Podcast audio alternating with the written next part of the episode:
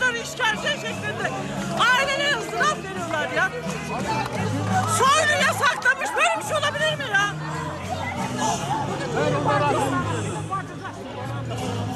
Buna müsaade edemeyiz. Çok açık ve net adres vererek ifade etmek isterim. Galatasaray Meydanı'nın terör örgütlerinin sözde ortak meşruiyet alanı haline getirilmesine müsaade edemeyiz. Yasaksız Meydan başlıyor. Merhaba, Eşit Haklar İzleme Derneği ve Kısa Dalga İşbirliği ile Yasaksız Meydan başlıyor. Ben Zeynep Duygu Albayır.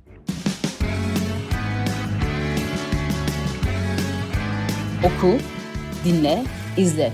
Kısa Dalga. İHA'de tarafından 1995 yılından beri her yıl 17-31 Mayıs tarihlerinde Kayıplar Haftası olarak anılan günlerde çeşitli etkinlikler yapılmaktadır. İstiklal Caddesi Galatasaray Lisesi önünde kayıplar için oturma eylemleriyle başlatılan eylemlere 200. haftada ara verilmiş ve 7 Şubat 2009'da tekrar başlatılarak kesintisiz olarak İstanbul dışında Diyarbakır, Şanlıurfa, Batman, Mardin, Hakkari ve Şırnak'ta düzenli olarak sürdürülmektedir.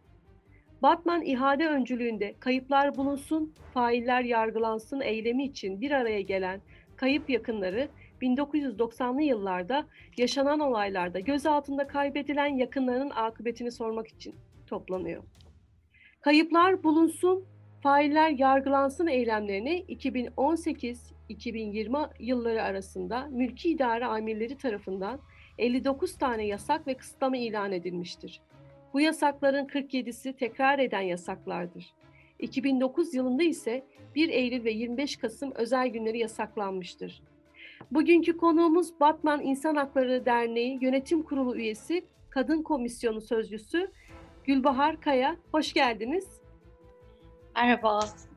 İsterim ki önce e, baştan süreci biraz özetleyelim. Eylemlerinize başlama karar aldığınız süreçten bahseder misiniz? E, kayıplar bulunsun, failler yargılansın e, sloganıyla, şiarıyla başlattığımız eylemler 90'lı yıllarda başlamış bir eylem. Sizin de girişte anlattığınız gibi İstanbul'da, Batman'da, Diyarbakır'da e, ve dahası ülkenin birçok noktasında yapılan eylemlerdi. Bu eylemlerin amacı e, gözaltında kaybolmuş ya da faili meşhur cinayetlerde hayatını kaybetmiş kişilerin e, katillerini bulmak, yargılanmasını sağlamaktı. E, 90'lı yıllardan bu döneme, ya bu günümüze gelene kadar birçok kez bu eylemlere çeşitli kısıtlamalar getirildi, durdurulmaya çalışıldı. Fakat e, büyük bir azim ve büyük bir direngeçlikle bu eylemlerimiz devam etti. 90'lı yıllardan bu yana birçok hükümet değişti, birçok sistem değişti. Sistem değişmedi pardon ama hükümet değişti ve her gelen e, hükümet ya da her gelen e, siyasi iktidar kayıpların bulunmasından çok annelerin kayıp cumartesi insanların geriye çekilmesi üzerine bir siyaset yürüttü, bir politika yürüttü. Ve günümüz koşullarına gelince ise artık o hal o halde yönetilen bir ülke ve ortamında e, en barışçıl eylemlerden biri olan cumartesi anneleri etkinliği bile yapılamayacak hale getirildi. Fakat e, biz insan hakları savunucuları olarak ve cumartesi insanları olarak bu eylemleri e, devam ettirmekte kararlıyız. Her ne kadar meydanlara çıkışımız engellense, engellense bile, her ne kadar e, mücadele yürüten kişileri e, saldırılar vesaire gibi e, durumlar olsa bile biz devam ettirmeye çalışıyoruz Zeynep Hanım. Evet, e, anayasada barışçı toplantı ve gösteri hakkının açıkça izinsiz kullanılabileceği ifade ediliyor. Kanunun getirdiği bildirim yükümlülüğü ise mülki idare tarafından izin sistemi olarak işletiliyor. Bildirim rejimlerinin düzenlenmesi direkt olarak devletlerin toplantı ve gösterileri koruma, kolaylaştırma yükümlülüğünden geliyor. Bildirimin amacı pozitif yükümlülüklerin uygulanmasının sağlanması. Dolayısıyla tek başına bildirim yükümlülüğü olması kötü değil. Ancak Türkiye'deki gibi uygulamada izin sistemine dönüşmesi hak ihlali yaratıyor. Şimdi aslında e, yaptığınız yazılı açıklamada mülki idareye yapılan bildirimlerinizin sürekli reddedildiğini ifade etmişsiniz. Evet. E, bu süreçten biraz bahseder misiniz? Ne kadar sürede sağlanıyordu? Sağlanmadığı durumlarda ne yapıyordunuz? Ne yapılması gerekiyor? Ee, şöyle ki ya 2016 yılında 2016 11 Kasım 11 ay 11. ayından itibaren bizim e, barışçıl eylemimiz yani kayıplar bulunsun, failler yargılansın e, sloganıyla başlattığımız eylemimiz, sokağa çıkışımız engellendi o hal süreciyle beraber. O halle beraber yani bütün sivil toplum örgütlerine yapılan baskı bizim e, ihade, ihale üzerine e, yapıldı ve sokağa çıkmamız daha doğrusu cumartesi günü e, bizim için manevi bir değeri yüksek olan bir alana çıkmamız engellendi.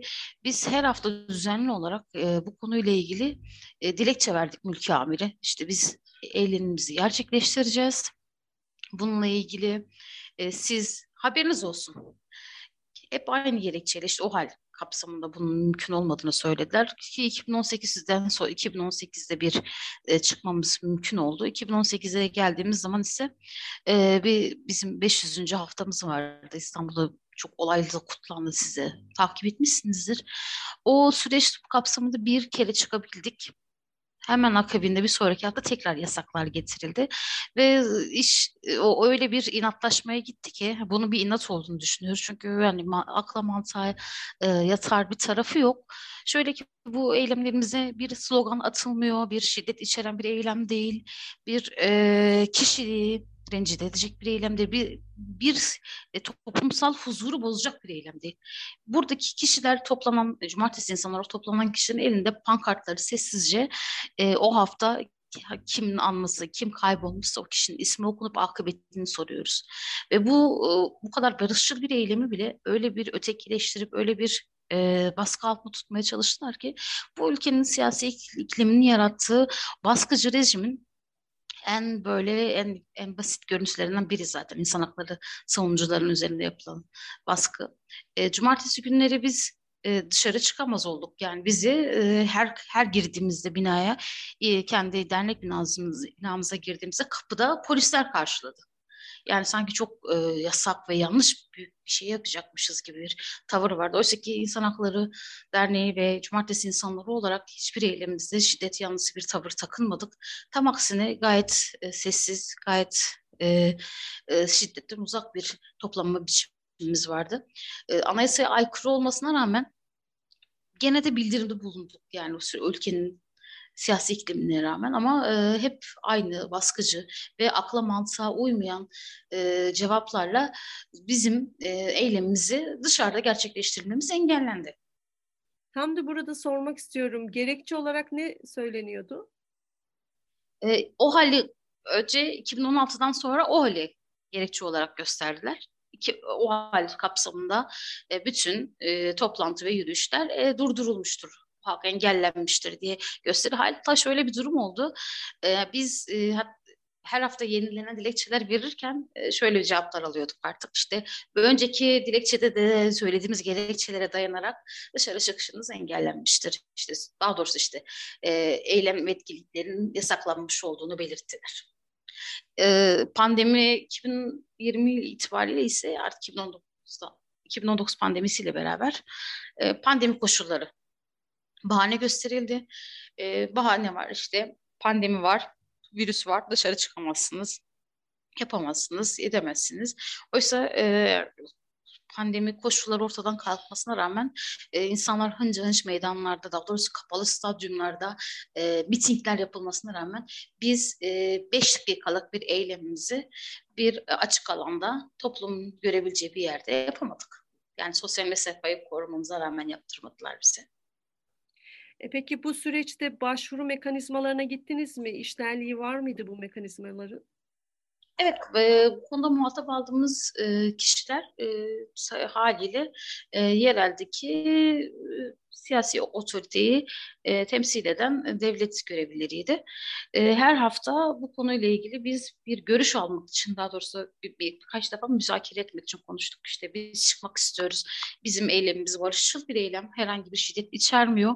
Ve bu eylemleri devam ettirmek için ise biz alanlara çıkmak istiyoruz. Çünkü bizim için alanlar sembolik. Şöyle ki e, alanlara çıkmamızın aslında niye bu kadar alanda yapmak istiyoruz? Belki bu sorunun cevabını burada vermek istiyorum. E, iki hafta önce gene bir dışarı çıkmak istiyoruz. Eylemimizi dışarıda yapmak istiyoruz. E, arbedesi yaşandı. Kapıda gene polisler bizi bekliyor. İşte çıkamazsınız, çıkabilirsiniz. Annelerin bir cumartesi annelerimizden biri şunu söyledi. Kürtçe söyledi. Kürtçe aktarımını yapmadı. Türkçe çevireceğim. Ee, direkt isterseniz Türkçesini söyleyeyim. Şey dedi. Elimize fotoğraflarla çıkmak istiyoruz. Belki ön, biri biz burada kalırsak binanın içinde kimse elimizdeki fotoğrafları görmeyecek. Dışarıda yaparsak belki e, yanımızdan geçen biri ya ben bu arkadaşı da tanıyorum. Bu kimdir? Ben bunu tanıyorum aslında. Ben bunu falan yerde gördüm diye bir umut dışarı çıkmak istediklerini dile getirdi. Annenin o hassasiyeti o kadar bana dokundu ki yani hala çocuğunu 90 90'lı yıllarda kaybolmuş. Aynı fotoğrafla çocuğunu arıyor. Bu ısrarla devam ediyor.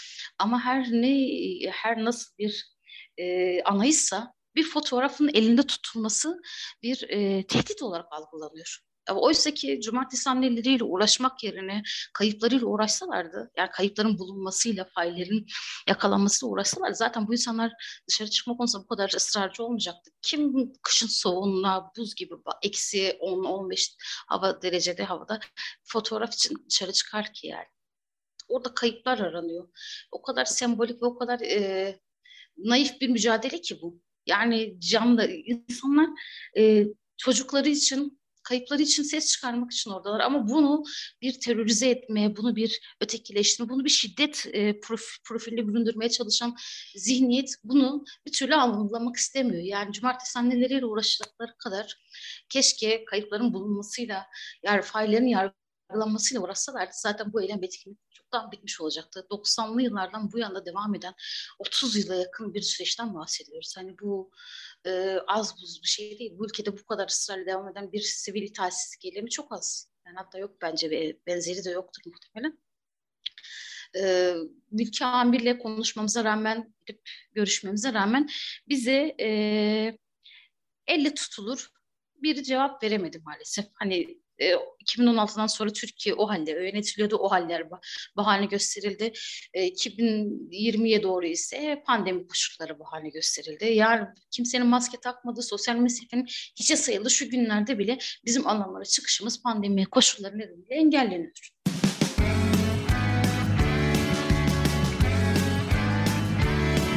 Kulağınız bizde olsun. Kısa Dalga Podcast şey OHA sürecinden bahsettiniz ya. OHA sürecinde alternatif eylem metotları arayışınız oldu mu? Yani bu süreçte ne yaptınız?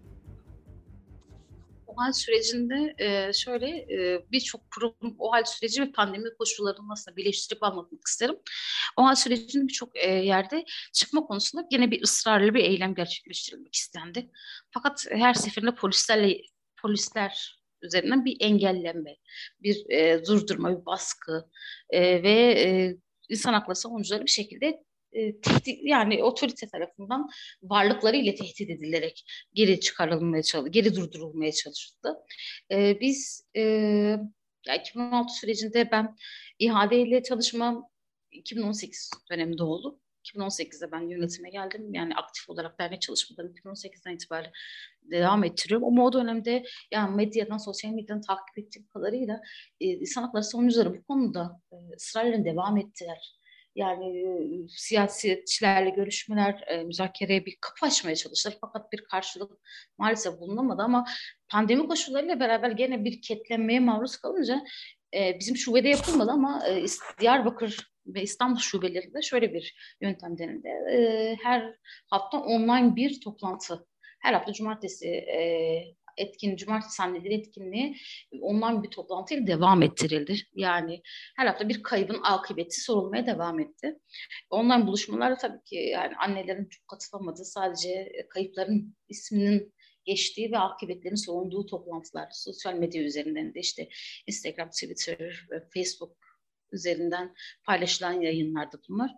E, alternatif olarak yani teknolojinin e, imkanları imkanları doğrultusunda bir e, olanak yaratılmaya çalışıldı ama tabii ki gönüllü yani bizim benimsediğimiz eylemsellik biçimi alanlara çıkıp alanlarda sesimizi yükseltmek. Çünkü alanlar yani sivil toplumundur.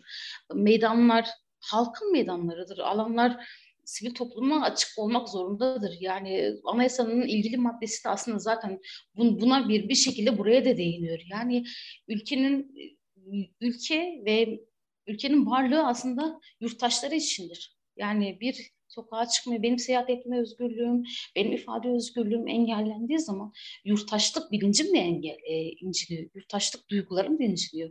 E, kişi kendini ifade etmek için bile yani sokağa alışveriş için çıkabilen bir insan neden bir kaybını sormak için çıkıp da e, sesini yükseltemiyor ki? Yani yolda cüzdanını kaybetse e, ben yolda gidip gidip soramaz mı? Sorabilir. Çocuğunu sokakta kaybetmiş bir annenin dışarıda bunu sorma hakkı varken gözaltında kaybolmuş bir annenin bu hakkı engelleniyor. Bu çok dramatik ve çok büyük bir çelişki.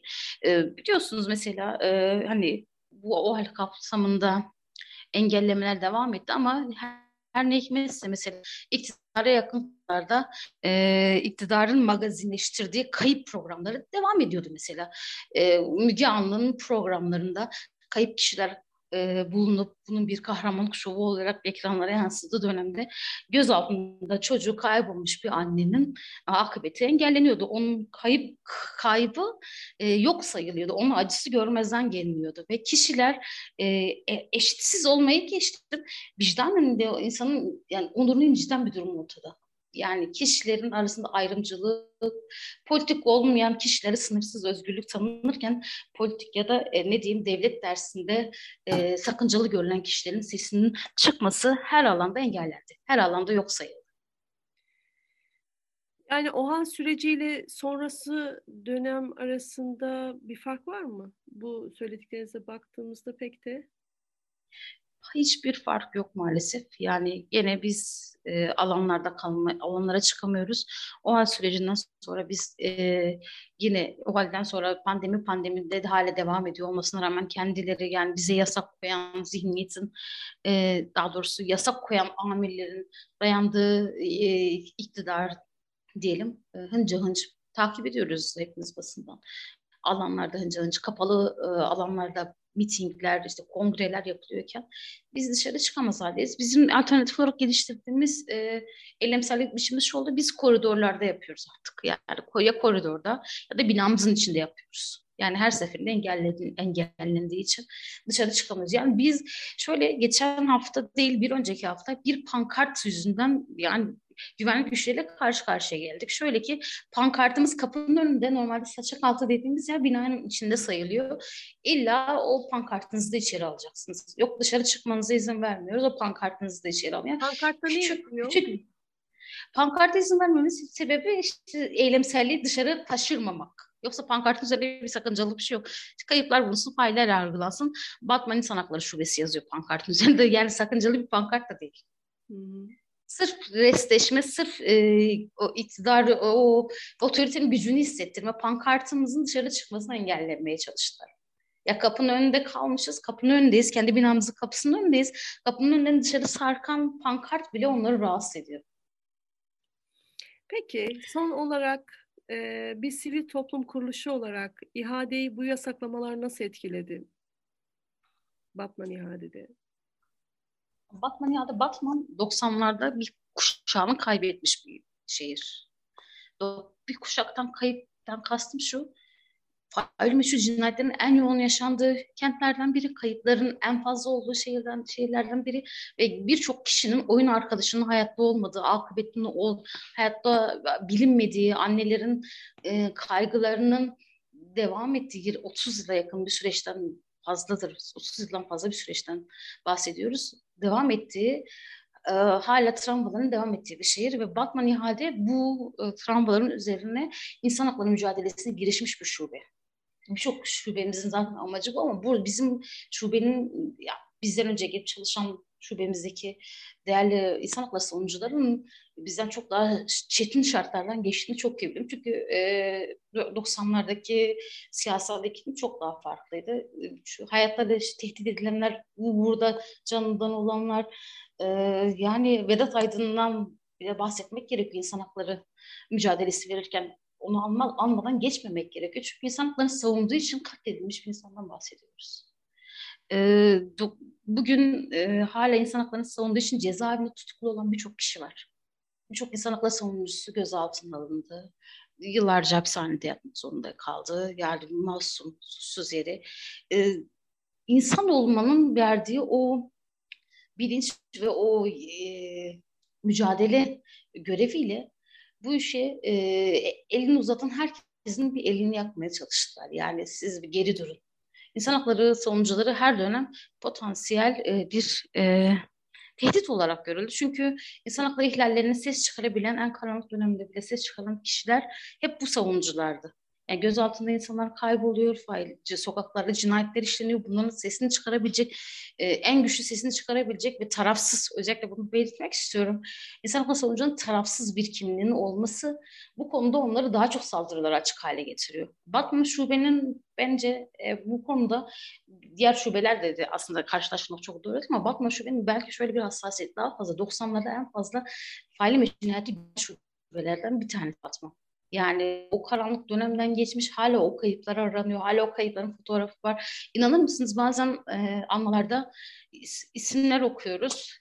17, 18, 19 yaşında kişiler. Yani bu işler üniversite ya da lise öğrencisi dönemin e, iktidarı tarafından, dönemin o karanlık eli tarafından e, potansiyel bir tehdit olarak algılanıyor ve bu yüzden akıbetleri bilinmiyor ya da bu savunucu bu konuda savunuculuk yapan, hak savunuculuk yapan insanlara e, bu insanların sanki potansiyel bir tehditmiş gibi algısını dayatıp akıbetlerin sorulmasını engellemeye çalışılıyor. Benim çok yakın ilkokuldan bu yana çok ben de Batman'da büyüdüm, doğdum, büyüdüm. Birçok tanıdık hikaye ve travmatik hikayeye tanıdık ederek büyüdüğüm için hani bu kayıp kuşağın çocukları, kardeşleriyle bir arada olduğum için bu mücadeleyi verirken sürekli onları hatırlıyorum ve onlardan güç alıyorum. Arkadaşım e, babasını iki yaşında kaybetmiş. Gözaltına alınıyor. iki yaşından beri babasının akıbeti bilinmiyor. Ve aile o kadar e, zor koşullarda e, hayatını devam ettirmek zorunda kaldı ki. E, annesi e, yıllarca gelip babasının fotoğrafını taşımak taşıyarak babasının akıbetini sordu. Son dönemlerde işe girdiği için işini kaybetme korkusundan dolayı gelip de pankart gelip de fotoğraf taşıyamaz hale geldi. Onun fotoğrafını biz taşıyoruz mesela. Batman Şube'nin bu mücadeledeki bence misyonu ve görevi e, ısrarla devam ettiren kayıpların bulunması ve faillerin yargılanması konusunda e, ısrarla devam ettiren bir şube olması ve e, bu bu ısrarın e, bu bu haklı mücadelenin peşini bırakmaması. Biz bu dönem o hal bu haller siyasi iktidarlar değişebilir, değişecektir mutlaka. Yani değişme tek şey değişimdir diyorlar, diyorlar ya. Dönem değişecek, yıllar değişecek. Yani bu bu baskı iklimi belki değişecek ama biz insan hakları mücadelemize e, devam ettireceğiz. Ama dilerim ki bir gün bütün kayıplar bir gün bir hükümet ya da daha doğrusu bir siyasi iktidar çünkü bunu yapabilecek kişiler ancak siyasi otoriteye sahip olan, devlet yönetebilen kişiler olacağını düşünüyorum. Ee, öyle bir e, güç, öyle bir eylem, öyle bir eylem geliştirirler ki e, bütün kayıplar, onlardan önce işlemiş bütün cinayetleri, bütün kayıpları e, savunmak yerine, kollamak ve korumak yerine dönüp yüzleşip hesaplaşıp biz bu kayıpları bulacağız, bu failleri yargılayacağız. Anneler de artık ellerinde otursun. Berfu Anna'yı hatırlarsınız. Berfu Anne e, gözleri açık gitti. Ve ona çocuğunun bulunacağına dair söz vermişlerdi. Ama çocuğu bulunmadı ve Berfu annenin gözü açık gitti. Artık annelerin bu kaygılı bekleyişinin bitmesi için e, herkesin elini taşın altına koyacağı o dönem gelmesini bekliyorum. Peki, bize katıldığınız için çok teşekkürler. Gelin bir senedir ben burada düzgün için oturuyorum soğukum, kışım, karım. Burada yavrumu devlette istiyorum. Üç gün sonra düzgünün senesi tam oluyor ki düzgün kayıptır. Dağlar, taşlar, kuşlar, geyikler. Bana yol verin ben oğluma kavuşayım. Kısa Dalga podcastleri Demet Bilge Erkasab'ın editörlüğünde Mehmet Özgür Candan'ın post prodüksiyonu ve Esra Baydemir'in hazırladığı görseller ile yayınlanıyor. Kısa Dalga'ya destek vermek için Patreon sayfamızı ziyaret edebilirsiniz.